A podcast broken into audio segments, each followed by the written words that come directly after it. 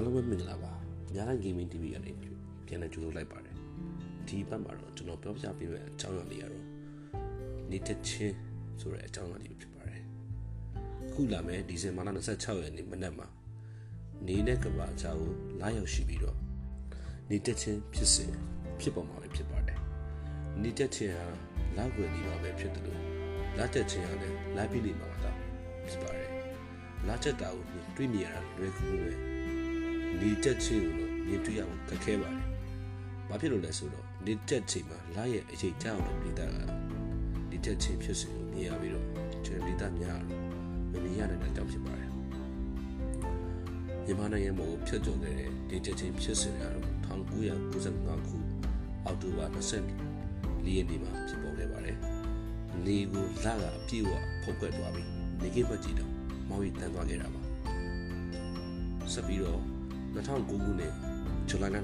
22ရက်နေ့မှာလည်းအလားတူဖြစ်စဉ်မျိုးဖြစ်ပေါ်ခဲ့ပါတယ်အဲဒီနောက်ပိုင်းနေတဲ့ချင်းတက်ချင်းတွေကတော့အပြည့်အဝနေတဲ့ချင်းမျိုးမဟုတ်ပဲစိတ်တပိုင်းတက်ချင်းဖုံးကွယ်ခြင်းများတာဖြစ်ပါတယ်မိသူပင်ဆိုစီအောင်မူနေတဲ့ချင်းကိုကြည့်တဲ့အခါနေကိုကြည့်ရှုရတာဖြစ်လို့မျက်စိကိုအထူးပြုဆိုင်ဖို့လိုပါတယ်နေဟာကျွန်တော်တို့အတွက်အမတန်ပူပြင်းပြီးအမတန်တောက်ပါတဲ့အဝအကျလုံးဖြစ်ပါတယ် နေချက်တာကိုကြည့်တဲ့အခါနေကမျက်မှန်လောက်လည်းမရပါဘူး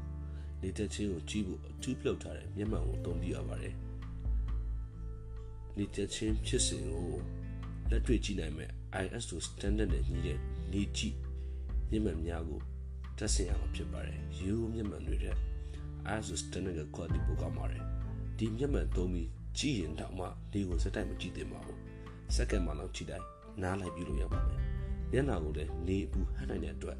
မျက်နှာကိုအုပ်မျက်လုံးပေါက်လေးဖောက်ပြီးတော့ဒီမျက်မှန်နဲ့တွဲကြည့်ဖို့အဆင်ပြေနိုင်ပါတယ်အဒီမျက်မှန်တွေကိုတော့ဆရာကိုတန့်ဦးရဲ့အာဂါသနဲ့စကြဝဠာတင်ထောက်ကူ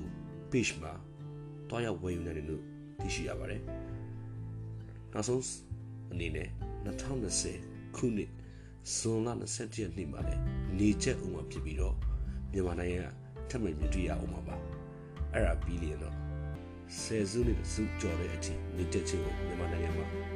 မြင်တွေ့ရတာမဟုတ်ပါဘူး။တဲ့ကျွန်တော်ဒီနေ့တိဆက်သွားတဲ့အကြောင်းအရာလေးကို channel တက်တဲ့ဆိုလို့ရှိရင်တော့ကျွန်တော်ရဲ့ channel လေးကို like share subscribe လေးနဲ့အားပေးကြဖို့ကျွန်တော်မြတ်ရခံနေပါတယ်။ Thanks for watching. It's Piala Gaming. The Piala.